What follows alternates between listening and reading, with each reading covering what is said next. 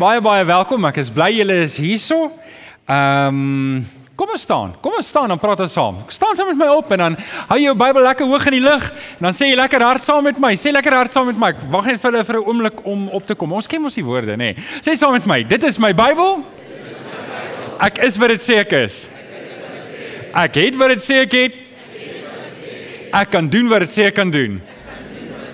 Met my mond bely ek met my hart glo ek dat Jesus die Here is. Amen. Amen. Baie dankie. Jy kan vanoggend jou Bybel oopmaak by Matteus 25. Ons gaan 'n paar verse saam lees vanaf vers 14 vanaf vers 14. Ehm um, terwyl jy blaai wil ek dalk net 'n kantlyn nota maak. Ek moet vir julle sê die twee dienste werk vir my goed want dit voel vir my ek kan meer mense groet op 'n Sondag. En as ek jou nie vanoggend gegroet het nie, ek probeer oral kom om almal te groet, maar as ek jou nie gegroet het vanoggend nie, wil ek net nou vir jou sê hallo. OK. Want dit is vir my so belangrik, ek wil almal van julle groet, maar uh, as jy ooit wonder, die tweede diens is al bietjie minder mense. So, ehm um, die kans dat ek jou gaan groet daar's mag dalk sit jy en sê ag ja nou vir wat wil ek jou nou groet? Uh ek kom vir die boodskap. Wie's daar? Sê amen. OK. Matteus 25 vanaf vers 14. Kom ons sluit hierdie oë. Dan bid ons saam. Vader, ons dankie in hierdie mooi oggend waar dit koud is buitekant. Here, en ons vroeg moes opstaan om hier te wees. Dank ons die Here dat ons u woord kan oopmaak en kan weet dis die woord wat lewe gee. Here, dis die woord wat ons lei na verlossing. Dis die woord wat ons trek na heiligheid. En wil vanoggend weer kom vra Here dat U in elkeen van ons harte sal werk dat ons U persoonlik sal beleef. Ons bid dit in Jesus naam. Amen. Amen. Nou ons is besig met hierdie reeks wat gaan oor waardes en ons het die laaste paar weke daarop sil gestaan en dit is nou eintlik vir my hartseer want ek geniet hierdie reeks geweldig. Volgende week maak ons ook klaar met die met die reeks en as jy dit gemis het, dan is daar alles is op die internet. Rian daar agter en die klankmanne daar agter, hulle sit dit op die internet 'n uur na kerk is dit daar. Um maar hulle sê it's always better on the big screen. So jy moet maar hiernatoe kom. Is altyd beter hier. Maar as jy nie hier kan wees nie, dan kan jy dit op die internet kry. Nou hierdie reeks gaan ons nou oor riglyne en dis ook riglyne vir ons gemeente, dis riglyne vir jou persoonlike lewe en vriende, ek wil jou uitdaag. Gaan net weer hierdie weer hierdie waardes. Kyk net weer daarna en probeer daardie waardes regtig voor die Here en uit die woord uit gaan kyk. Gaan kyk self. Gaan kyk self of jy soos ek hierdie waardes in die woord kry en dan dit wat in jou lewe is wat nog nie dit reflekteer nie, dan daag ek jou uit om te vra, hoekom reflekteer my lewe nie dit nie? En en daar's 'n rede hoekom ek dit sê, want elkeen van daai waardes, as my lewe nie dit as belangrik reflekteer nie, dan die kans goed ek gaan die prys daarvoor betaal. Die kans is goed dat ek iewers gaan opmors en dit gaan terugkom na my toe en dit gaan my byt. En baie keer, veral op hierdie waardes, as dit my byt, dan hou dit soms vas so vir 4 of 5 jaar en dit hou my terug. En en dis nie wat die Here vir ons wil hê nie. Die Here wil ons help om vorentoe te gaan. En dis hoekom hy sy woord gee en dit is hoekom ons woorde kry soos waar die Heilige Gees vir Salomo inspireer om vir sy seun te sê: "Seun, baken jou koers af, dan sal jy seker wees." As jy hom net vir ons kan opsit daarso, Chris, um baken jou koers af, dan sal jy seker wees van elke tree. Moenie links of regs wegdraai nie. Weer hou jou van die verkeerde koers. Nou dit is ook hoekom ons die kompas het sodat ons sê ons waardes dien soos 'n kompas. Nou onthou, hier is nie waardes wat ons self opmaak nie. Hierdie is waardes wat ons uit die woord van God uit kry wat vir ons sê hier is die goed waarop ek my lewe moet bou. Nou julle sal onthou ons het vir mekaar gesê as ek nou die mooi woorde versperring kan gebruik, maar 'n pad, die barrier daar langs die pad hou my op die pad dat ek nie van die pad af gaan soos in die Toyskloof pas en my lewenskarretjie rol nie. Dit help my om op die reguit pad te bly waar die Here my wil hê en um, en dis ook die kompas gedagte en dit is hoekom ons die waardes as ons kompas gebruik um, om ons hulle noem dit in Engels the true north om ons op die regte pad te hou. Nou ons het die afgelope paar weke gekyk na agt wel na ses van hierdie waardes. Ons kom na die by die sewende een vanoggend. Um ons het gepraat oor 'n ware verhouding met die Here. Ons het gepraat oor goeie verhouding met mense. Ons het gepraat oor woordvastheid. Ons het gepraat vir, oor liefde vir 'n verlore siele. Ons het gepraat oor heilige lewe en laasweek het Domie Chris met ons gepraat oor diensbaarheid. En ek dink dit was 'n goeie boodskap. As jy dit gemis het, dan wil ek jou vra om dit ook op die internet te gaan luister. Nou ons kom vandag by die sewende waarde en dit gaan oor rentmeesterskap. Nou kom ons kyk, daar's 'n baie mooi teksgedeelte in die Bybel in Matteus 25 waar die Here Jesus eintlik uitsluitlik fokus op hierdie konsep. En nou wat ek gaan doen is ek gaan 'n paar gevolgtrekkings maak uit hierdie teksgedeelte en dan gaan ek met julle praat oor die areas waaroor ons moet verantwoordelikheid aanvaar. So, rentmeesterskap is om verantwoordelikheid verantwoordelikheid te aanvaar vir dit wat die Here vir my gegee het. Die Here het vir ons almal 'n stel talente gegee. Nou talente was in die Bybelse tyd soos julle in die ou vertaling sien, is in die Bybelse tyd geld eenheid gewees. So met ander woorde, dis hoekom die nuwe vertaling dit geld eenhede noem goue muntstukke. Net jy verstaan hoekom dit verskil in die ou en die nuwe vertaling. Maar lees saam met my vanaf vers 14. Ek lees uit die 83 vertaling. Verder gaan dit soos 'n man wat op reis wou gaan. Hy het sy slawe bymekaar geroep en sy besittings aan hulle toevertrou. Vir een het hy 5 goue muntstukke gegee, vir 'n ander 2 en vir 'n derde 1. Hy het aan elkeen volgens sy bekwaamheid gegee en toe op reis gegaan. Die een wat 5 goue muntstukke ontvang het, het dadelik daarmee gaan werk en 'n wins gemaak van nog 5. So ook die een wat 2 gekry het, hy het 'n wins gemaak en nog 2. Maar die slaaf wat 1 gekry het, het 'n gat in die grond gaan grawe en sy eienaar se geld daarin weggesteek. Na 'n lang tyd het die eienaar van die slawe teruggekom en van hulle rekenskap gevra. Die een wat 5 goue muntstukke ontvang het, kom toe en bring die ander 5 saam en sê: "Meneer, 5 goue muntstukke het u aan my toevertrou. Hier is dit met 5 ander wat ek wins gemaak het." Toe sê sy eienaar vir hom: "Goed, mooi so. Jy is 'n goeie en getroue slaaf. Oor min was jy getrou en oor baie sal ek jou aanstel. Kom in en deel in my vreugde." Toe kom die een met 2 goue muntstukke en sê: "Meneer, 2 goue muntstukke het u aan my toevertrou. Hier is dit met 2 ander wat ek wins gemaak het. Sy eienaar sê toe vir hom: "Mooi so, jy is 'n goeie en getroue slaaf. Oor min was jy getrou en oor baie sal ek jou aanstel. Kom in en deel in my vreugde." Toe kom die een wat een goue muntstuk ontvang het en sê: "Meneer, ek het u, ek ken u en ek weet dat u 'n harde man is wat oes waar u nie gesaai het nie en pluk waar u nie geplant het nie. Omdat ek bang was, het ek die muntstuk in die grond gaan begrawe. Ek het hier is die geld terug." Toe sy eienaar vir hom sê, toe sê sy eienaar vir hom: "Jy is 'n slegte en 'n lui slaaf. Jy het geweet dat ek oes waar nie gesaai het nie en gepluk waar ek nie geplant het nie. Dan moes jy my geld in die bank gesit het en ek sou dit met by my koms met rente teruggekry het. Vat die muntstuk van hom af weg en gee dit vir die een wat 10 het. Aan elkeen wat het, sal meer gegee word en hy sal oorvloed hê. Maar van hom wat nie het nie, sal ook die bietjie wat hy het weggevat word." En gooi die nuttelose slaaf uit in die diepste duisternis daar buite. Daar sal hulle huil en op hulle tande kners. Volgens wil ek met julle praat en dis waarvoor die raamwerk ook is oor die vyf areas van rentmeesterskap in ons lewe. Vyf areas waar ek moet verantwoordelikheid aanvaar in my lewe. Maar voordat ek oor daai vyf areas gaan praat, wil ek eers met julle vyf Ag mag ek 'n anglisisme gebruik observasies. Ek verstaan dit is 'n anglisisme. Die regte woord is waarnemings. Maar anglisisme klink so intelligent, dink julle nie observasies. Um so ek gaan dit observasies noem vir nou. So die eerste observasie en jy kan dit binne in jou raamwerk skryf as jy dit wil neerskryf uit hierdie teksgedeelte uit want ek wil graag ek wil graag hê jy moet verstaan waar hierdie teksgedeelte gaan. Die eerste observasie wat ons maak uit hierdie teksgedeelte is almal het iets gekry. Almal van julle wat hier sit, het iets gekry. Niemand wat hier sit het niks gekry nie. Dit lees ons uit hierdie teksgedeelte uit dat selfs die een wat min gekry het, het iets gekry. So dis belangrik dat ons moet weet dat hierdie verhaal praat Jesus en hy leer ons hierdie ding dat almal van ons het iets gekry. Observasie nommer 2. Nie almal het eweveel gekry nie. Jesus maak dit duidelik. Ons het gekry volgens ons bekwaamhede. Nou, jou bekwaamheid is min met jou te doen. Dis hoe die Here jou geskep het. Jou genetika, jou DNA, party van julle is baie meer vooruitstrewend in die nie net in die Here nie, maar in besigheid en alles. En party mense is nie en dit is oukei. Okay. Nie almal het dieselfde bekwaamheid nie. En dit is hoekom die die die Here het vir een 5 gegee, vir een 2 gegee en vir een 1 gegee. Daar's niks fout met die verskillendheid van bekwaamheid nie. En ek gaan dit nou-nou weer vir julle sê en dis hoekom ek myself nooit met iemand anders mag vergelyk nie.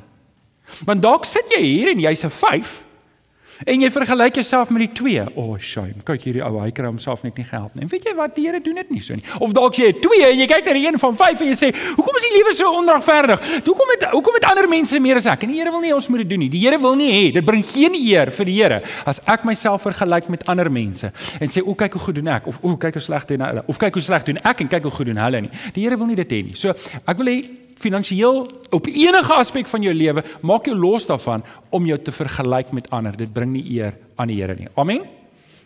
OK, observasie nommer 3. Almal moet woeker met wat hulle het. Die Here verwag dit van ons. Wanneer die Here iets vir jou gee, dan moet jy weet hy verwag van jou om iets daarmee te doen.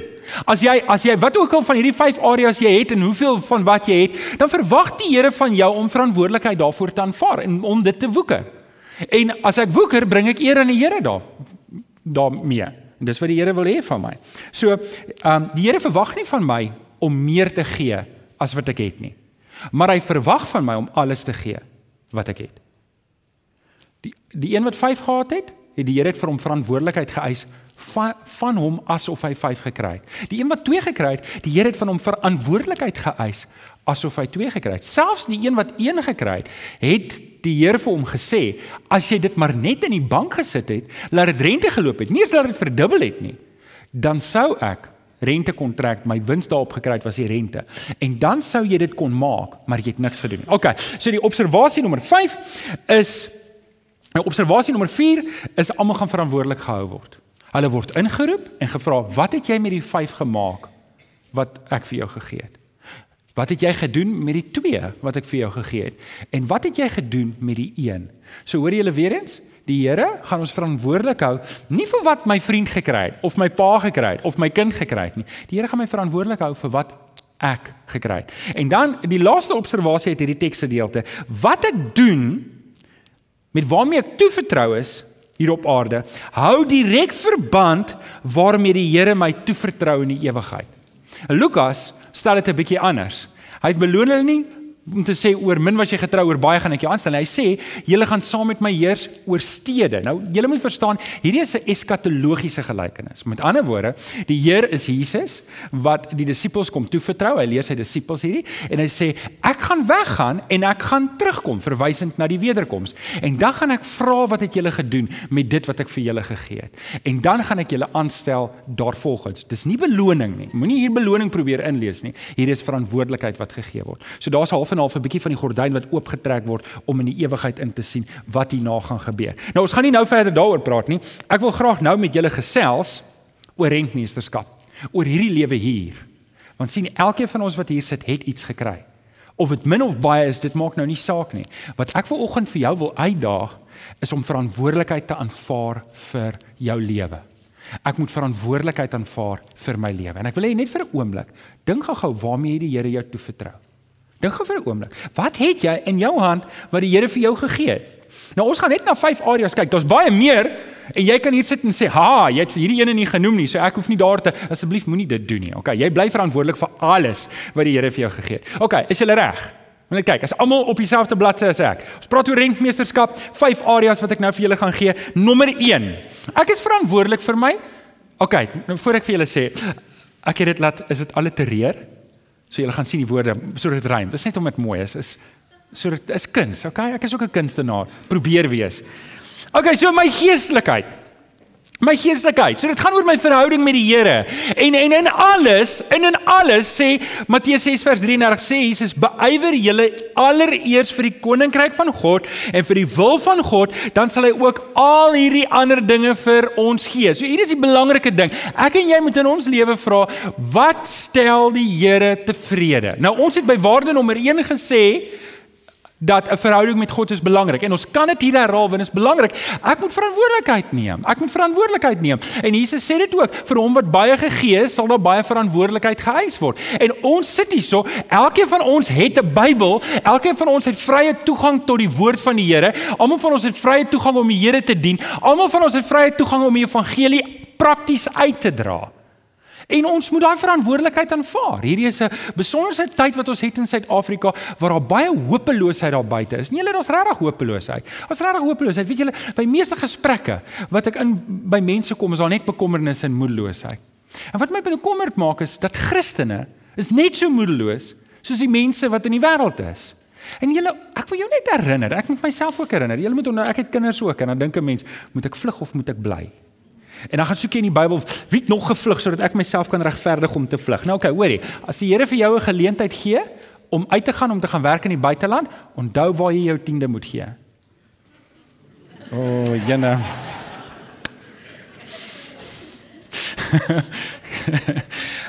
Waar was ek nou?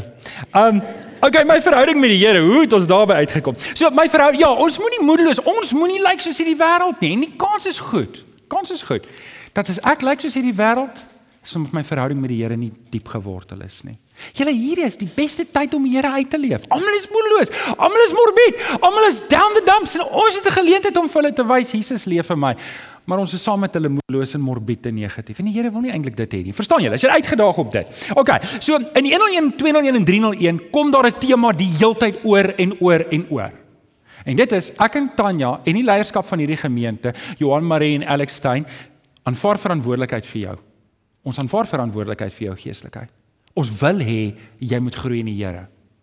Maar julle al skryf ons hierdie boekies een keer 'n kwartaal. Al doen ons die beste met die Johan Marie daarbo met die orkes, daarbo met die kinders en die groepe en ons gee sonnaskool en ons berei regtig voor. En ek wil vir julle regtig sê daar gaan baie ure in my voorbereiding vir my preek in. En en probeer ek regtig om alles in plek te sit dat jy geestelik kan groei. Kan ek nie geestelike groei by jou veroorsaak nie. Dis iets wat jy moet anker in die Here. Dis iets wat jy by die Here moet kry. En wie van julle kyk MasterChef? Ek doen nie, maar ek ek, ek hoor dit gaan oor kos, so ek sal daarvan hou dalk. Um nou, kom ons sou sê ons kry die wenner van MasterChef hier in elke Sondag. En elke Sondag berei hy vir elkeen van ons 'n 450 gram steak. Voor op die beste moontlike manier. Nie te gaar nie, maar ook nie te rou nie. En dit is die beste gebakte groente en aartappels met die beste souse. Julle kan sien ek weet nie regtig baie van kos hier so, maar ek weet daar is seker goed. En ons eet hierso. Wie van julle sal daarvan hou? OK? En ons eet hier lekker saam. Maar jy gaan huis toe en jy eet vir 'n hele week lank niks nie dan kan daai maak nie saak hoeveel voedingswaarde daai bord kos het nie, gaan dit nie vir jou iets beteken nie. Jy gaan ongesond wees. En vriende, net soos dit met my verhouding met die met die Here, my geestelikheid, waar ek moet verantwoordelikheid hou. Ek kan nie net op 'n Sondag in die woord van die Here kom nie. Ek kan nie net op 'n Sondag by die Here uitkom nie. Ek weet ouens, ons is in 'n baie besige tyd en die van julle wat kinders het ook nog. Ek sien die mammas en die en die pappas wat moet afvat by die werk en dan ry hulle in Milnerton toe en dan sit hulle in die verkeer en alles. Dis aaklig. En dit vat al jou tyd en ek bedoel dis waar ons nou is. Jy kan hoor dis waar ek is. Die kinders vat nou die tyd en dis oukei. Okay. Jy gee vir hulle maar ons mag nie ons lewens so besig maak dat ons nie by die Here uitkom nie. Ons mag nie. Ons moet verantwoordelikheid aanvaar vir ons verhouding met die Here, ons geestelikheid. OK, dis nommer 1. Nommer 2, ek moet verantwoordelikheid aanvaar vir my gawes en talente. sien julle hom so Ek was so bang julle mis dit, so ek moet julle aandag net daarop vestig. So dis my geestelikheid en my gawes. Efesiërs 4 vers 7 sê aan elkeen van ons is 'n genadegawe gegee volgens die mate waarin Christus die gawes uitdeel. So elkeen van ons het gekry Maar nie almal het eweveel gekry nie. Nou, dalk moet ons net sê, gawes en talente is nie dieselfde ding nie. Talente is iets wat jy kan hê of jy kind van die Here is of nie is nie. So party van julle hardloop vinniger as ander. Party van julle kan mooi gitaar speel, uh ken dit. En 'n uh, party van julle kan uh, julle verskil en dis oukei. Okay. Almal verskil en dit is hoekom ons 'n liggaam is. Nou, daai natuurlike talente is anders as gawes. Wanneer ek die Here Jesus aanneem as my verlosser en ek word weergebore, dan skenk die Vader my die Heilige Gees. En die Heilige Gees kom bly binne in my en dit die Heilige Gees rus my dan toe met gawes. En dis 'n bietjie anders, want gawes rus my toe om die evangelie uit te dra en om te werk in die koninkryk van die Here. Maar selfs my talente, nou as ek weer terug by talente, word geheilig in die Here wanneer ek tot bekering kom. Daarom, ek weet nie waar Kenneth nie, maar ehm um, Kenneth het 'n by KAK&K 'n rockband gespeel. Het jy dit geweet? Ek sou bly tot bekering gekom, nê. Nou speel hy hier in 'n rockband. en en so word sy talente geheilig in die Here en kan dit gebruik vir die Here. En dit is vir almal van ons se talente en ek moet aan ek moet verantwoordelikheid aanvaar vir my gawes en my talente om dit te gebruik. Ek is 'n rentmeester. Die Here leen dit net vir my. Niks behoort aan my nie. Hoorie, niks wat ek in hierdie lewe gekry het behoort aan my nie. Dis net geleen aan my. Dis net soos die Heer wat gekom het, hy het vir die een 5 gegee, vir die een 2 gegee, vir die een 1 gegee en hy gaan alles weer terugvra want dit is syne en hy gaan verantwoordelikheid vra. En dit herinner my aan die woorde wat Paulus vir Timoteus sê: Moenie die genadegawe wat jy het verwaarloos nie. Hoorie, as jy iets het wat die Here vir jou gegee het, moet dit nie verwaarloos nie. Bring dit. Bring dit vir die Here. Nou, weet baie keer dan noem jy name hier voor en jy ek waarskynlik niemand nie, net dat jy weet, ek vra nie mense nie, soos arme Helena, sy gaan nou van haar stoel afskrik, maar sy kom in die week na my toe sê sy wil iewers betrokke raak. Ek vra, weet nou, hoe is jy? Nee, sy's 'n vriendelike persoon. Sy, "Wat dan is dit verwelkomingskomitee toe?" En uh, sy het ver oggend begin help. Waar is Helena? Helena, is hier? Ag, gee vir lekker aan 'n klap. Dankie Helena. Sy het ver oggend die eerste keer by die verwelkomingsspan. So sy aanvaar verantwoordelikheid vir wat die Here vir haar gegee het. En vir jou wil ek ook sê, plaas dit aan wat die Here vir jou gegee het. Weet jy, al is jou lewe nou besig, doen net iets. Moenie niks doen daarmee nie.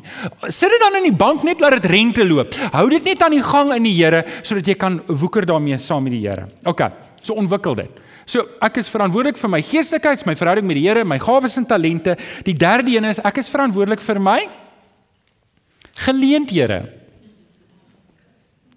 Efesiërs 5:16 sê maak die beste gebruik van elke geleentheid want ons lewe in 'n goddelose tyd. Julle, die Here het vir elkeen van ons net so lank hier op aarde gegee. Die Here het vir elkeen van ons net soveel tyd gegee. En ek dink een van die groot fout wat wat ons maak is ons is lief daarvoor om uit te stel. Ons is lief daarvoor om belangrike dinge uit te stel. Wanneer ek sit, dan besef ek hierdie ding is belangrik.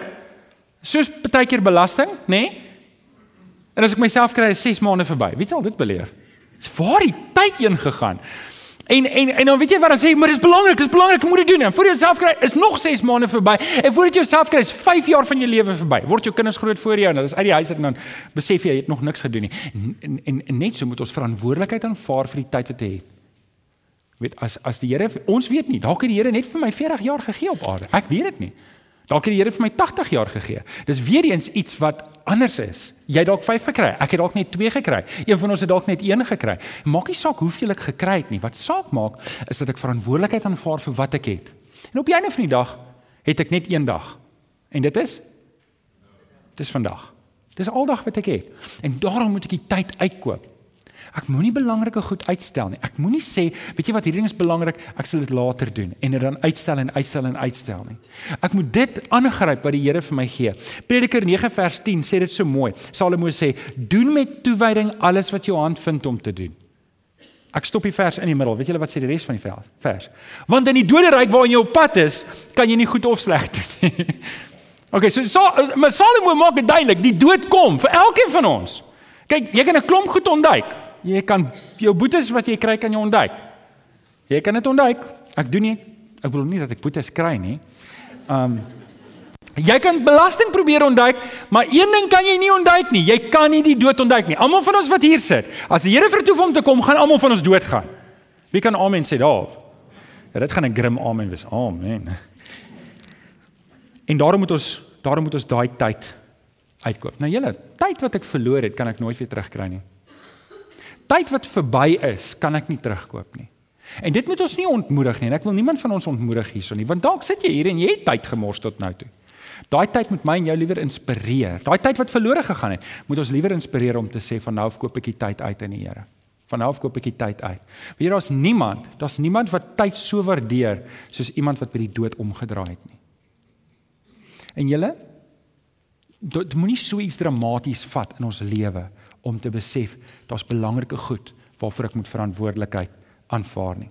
John Wesley het gesê, ek het dit lank terug vir julle gelees, maar ek lees dit nou weer. Hy het gesê, "Do all the good you can by all the means you can in all the ways you can in all the places you can at all the times you can to all the people you can as long as ever you can." Aanvaar verantwoordelikheid vir tyd. Okay, nou kom ek by 'n lekker ene.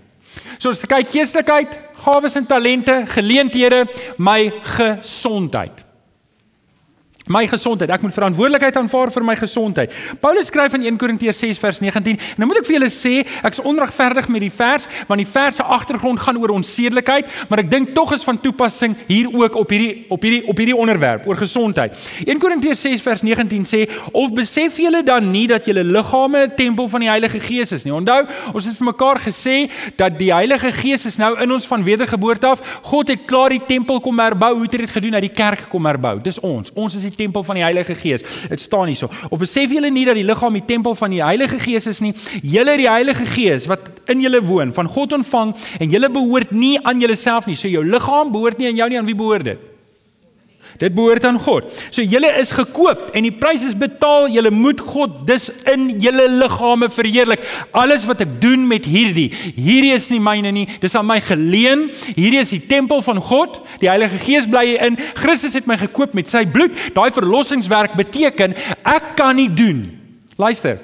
Hulle sê daar's geen beter 4x4 as 'n 1400 Toyota Corolla Avis rental nie glad nie. Daai kar kan enige plek gaan. Moet dit nie doen nie, dis nie mooi nie. Nou, as jy my kar leen, ek leen jou kar, verwag jy van my om mooi te ry daarmee? So jy bly wees as ek jou kar leen en ek gaan ry deur die modder en ek bring hom leeg terug. Ek dink ek het dit al een keer gedoen. Jy's nie van hou nie. Nou net so hierdie liggaam moet ek oppas. Dis net aan my geleen. Dit is nie joune nie. En jy kan nie net sê, "Ag, maar jy weet hierdie liggaam gaan in elk geval doodgaan nie." Nee, ek moet verantwoordelikheid aanvaar daarvoor en, en ek gaan vir julle 'n paar verse lees. Maar maar eers wil ek net Paulus sê vir een vir Timoteus in 1 Timoteus 4 vers 8. En dis die eerste vers waarna ek dink jy dink nou. Jy sê, "Ja, maar Paulus sê liggaamlike oefening het weinig nut." En as jy daai woord weinig vat, dan beteken dit, hoor jy, dit het omtrent geen nut nie. Vir wat doen julle? Waar is julle mense wat so hardloop? Wat se karre stukkend is? Ek wil net gou sien. Ons het al gedink om 'n fonds op te stel vir die mense wat se karre so stukkend is. OK. Nee, nie regtig nie. Um het ek het ek 'n prentjie daarvan. OK, ek gaan gou vir julle vertel. Julle moet onthou as Paulus vir Timoteus skryf, dan skryf hy dit binne 'n konteks waar mense loop. Hulle het nie karre gehad nie. OK, so sê nou Paulus en ons het nou nie ek wil net vir julle 'n idee gee. Paulus bly ek en jy bly in Jerusalem en ons wil vir ons tannie gaan kuier in Nasaret. Chris sê hom vir ons opgooi. Hanlie asseblief. Dan stap jy nou, hoor nou mooi, jy stap van Jerusalem af Nasaret toe. En dit was nie dit was nie 'n buitengewone buitensporige staproete nie. Dit was 'n normale staproete. Jesus se ouers het dit gereeld gestap as hulle van Nasaret af tempel toe sou wou gaan. So okay, as jy daai afstand wou stap, was dit net so onder 100 kg. 100 kg wat jy Potifar, né? Nee? Daai 100 kg, weet julle, hulle het tot 40 kg se dag gestap. Dit beteken as ons gesê het, hoorie, kom ons gaan kuier, kuier gou vir Tannie, wat se regte Joodse Tannie se naam? Tannie Susan. Nee, dis Grieks. Uh, maar ons gaan kuier vir Tannie Susan. Dan gaan ons 2 en 'n halwe dag stap om daar te kom. En as ons daar kom, dan kuier ons gou-gou, drink 'n koppie tee en eet twee koeksusters en stap ons terug. Nee, nee, nee, nee. Jy beplan jou roetes. OK, so hulle was stapfiks geweest. As hulle Pick n Pay toe wou gaan, raai wat moes hulle doen? Hulle kon niks doen nie want hulle het nie Pick n Pay's gehad nie. Maar as hulle gehad het, sou hulle moes stap. Nou ek het hierdie ding uitgewerk as ek nou een van julle was en ek het gewerk. Dan beteken dit ek sou in die oggende my kinders vroeg moes wakker maak. 5 km skool toe stap. Ek kan dink hoe baie hulle daarvan gehou het. Sê so, okay, moi, moi, gaan skool toe. Daar sê, nou ek het my nou verbeel, kom ons sê ek werk in Sanlam in Belwel. Dan sou ek 5 kg hiernatoe gestap het, nog om om en by 10 kg soontoe. En dan in die middag sou ek nog 10 kg terug moet stap skool toe om my kinders by die nasorg te kry, hulle op te tel en nog 5 kg terug huis toe te stap. Dis 30 kg. Wie van julle dink dis 'n bietjie baie? Dis 6 ure elke dag wat jy stap. 6 ure. Nou, hou dit nou in gedagte. Saterdagoggend wil ek die kinders vat vir 'n roomhuis. Ek maak hulle vroeg wakker en sê ons gaan Romeis eet by die waterfront. En daar stap ons. ons stap, ons gaan Romeis eet by die waterfront. Ons eet ons Romeis en ons stap terug huis toe. Vat ons 12 ure om te stap. Gelukkig is daar 12 ure in die dag, nê. Nee. Ons het 15 minute om daai Romeis te eet. So, julle moet verstaan wanneer Paulus vir Timoteus skryf om te sê liggaamlike oefening het weinig nut. Nou moet julle verstaan dit het regtig weinig nut gehad. Almal het gestap en en hulle was aan die gang. Hulle was stapfiks geweest. Hulle het hulle het waarskynlik meer as 'n halfuur of 'n ure dag gestap. Nie soos ons wat ry nie. So baie keer dink ek ons kan maar 'n bietjie oefening doen. En ek dink baie van ons probleme is omdat ons onderaktief is, verkeerd eet, want ons tyd is so min. Snaaks hoe meer goed ons doen om tyd meer te maak, hoe minder tyd het ons. Né? Nee? Hoe meer van ons tyd word geabsorbeer. En ek moet verantwoordelikheid aanvaar vir my gesondheid. Net net vir julle sommer net ietsie nog ons het al van Matteus 28 vers 19 tot 20 gestap wat sê soos julle gaan maak disippels. Soos julle gaan. Nou verbeel julle self, julle is daar saam met Paulus en nou gaan ons waterfront toe stap vir die oggend en nou stap ons. En hier's al hierdie mense om jou, almal stap. Verbeel julle self al die karre, maar as die karre nie almal stap. Dan kan jy met mense praat soos jy stap. En dit is wat die gedagte daar was. Mense het gestap. Hulle was oral oral was daar mense gewees en hulle het mekaar raak geloop en gepraat. Dis hoekom die tyd anders was. Wat ons het 'n gedagte moet hou wanneer ons daar praat. Nou, vir ons. Ek het nodig dat jy moet so gesond wees soos wat jy kan wees. Nou, nie almal van ons. Partykeer is ons genetika swak. En party van ons liggaamlike goed val uit die bus uit partykeer. Maar ons moenie goed doen Ons moenie ons lewe oorgee aan stres sodat ons liggaam siek raak nie. Ek moenie my eetgewoontes so instel sodat ek nie gesond is. Ek moenie liggaamlik so lewe dat ek nie gesond moet wees nie. Ouens, as jou predikant het ek nodig dat jy so gesond as moontlik moet lewe. Want weet jy wat, as jy sukkel met jou gesondheid, dan moet jy jou gesondheid uitsorteer. Stem jy saam? En dan is die evangelieverkondiging nie noodwendig jou eerste prioriteit nie. Daarom, kom ons pas ons gesondheid op. Kom ons pas dit op. Nou dit is nie altyd moontlik nie en partykeer raak jy siek, dan moet jy versorging kry daarvoor. Maar maak seker dat jy so gesond as moontlik lewe. Oortuig ek julle met hierdie ding. OK, die laaste ene. Die laaste ene is my geld. My geld. Ek moet verantwoordelikheid aanvaar vir my geld want dit is net vir my geleen. In Jesus praat in Matteus 6 vers 24. Hy sê niemand kan twee baase te gelyk werk nie. Hy sal of die een minder ag en die ander een hoër of die een meer oor hê en die ander een afskeep. Jy kan nie God en Mammon dien nie. Wat vir ons belangrik is in vandag se tyd is dat ek nie my siel sal verkoop vir geld nie. En en in ons moderne westerse samelewing is dit moeilik. Want 6 dae sal jy werk, En die sewende dag sal jy rus. En daai 6 dae werk jy dat jy die sewende dag niks anders kan doen as rus nie. Wie van julle voel partykeer so? En dan en ons jaag, en ons ons jaag hierdie lewe. Ons jaag om te kyk of ek nog 'n paar rand kan kry, nog 'n verhoging kan kry, nog 'n nog 'n iets kan kry, nog meer kan kry. Maar ons moet versigtig wees dat ek nie my siel verkoop aan geld nie. Jou geld is 'n geskenk van die Here. En ons moet verantwoordelikheid aanvaar vir dit wat ons gekry het. Kolossense 3 vers 22 sê wat ook al julle doen, doen dit van harte soos vir die Here en nie vir mense nie. So wanneer ons werk, dan moet ek onthou ek werk eers vir die Here. Wanneer ek my geld inkry, moet ek altyd die Here in gedagte hou. Ek ek het so 'n dingetjie wat ek hier gesê het. Hoe ek my geld genereer moet wys dat ek die Here liefhet. Hoe ek my geld spandeer moet wys dat ek die Here liefhet. Hoe ek my geld belê moet wys dat ek die Here liefhet. En hoe ek my geld gee, moet ook wys dat ek die Here liefhet. Hierdie is die vyf areas waar ons moet verantwoordelikheid aanvaar. Daar's nog, maar hierdie is die vyf hoofareas waar die Here vir ons wil help. Daar's 'n mooi vers in Efesiërs 5 vers 15 wat sê en dalk wil ek net gou-gou almal se aandag kry, hoor hom gou-gou. Wees baie versigtig hoe jy lewe. Nie soos onverstandige mense nie, maar soos verstandiges. Die Here wil hê ons moet dink oor ons lewe. Dit wat die Here vir ons gegee het. Ons moet dink daaroor.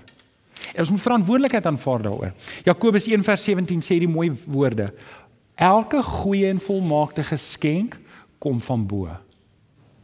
Elke geskenk wat ek aan jou, elke goeie ding wat jy het, het die Here vir ons gegee. En weet jy, dalk sit jy ver oggend hier en jy het redelik baie. Dan moet jy onthou jy sê jy het 5 gekry. Het.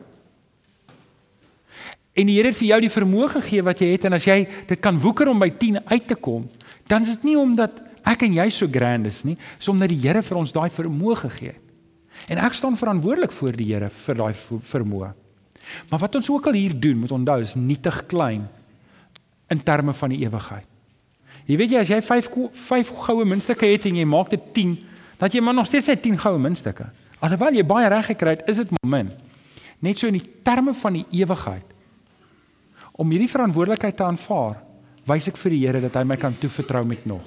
En dis my gebed dat die Here vir jou of jy een gekry het of jy twee gekry het of jy vyf gekry het, dat die Here vir jou sal seën, dat jy vanoggend sal sê Here help vir my om verantwoordelikheid te aanvaar vir elke deel van my lewe. Ek wil vir jou bid. Kom ons lê die oor aan bid ons saam. Vader, ek kom dankie in die naam van ons Here Jesus Christus dat U vir ons die woord gee en hierdie waarhede oopbreek dat ons besef maar Here ons staan verantwoordelik ons staan verantwoordelik teenoor U.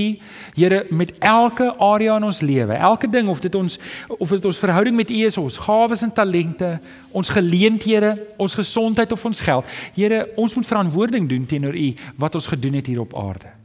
En vanoggend kom vra ek Here dat U vir ons sal help dat ons sal onthou selfs my liggaam en my geld en my tyd dit alles behoort aan U.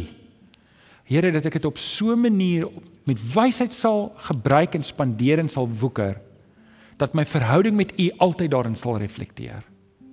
Ons kom bid dit in Jesus naam. Amen.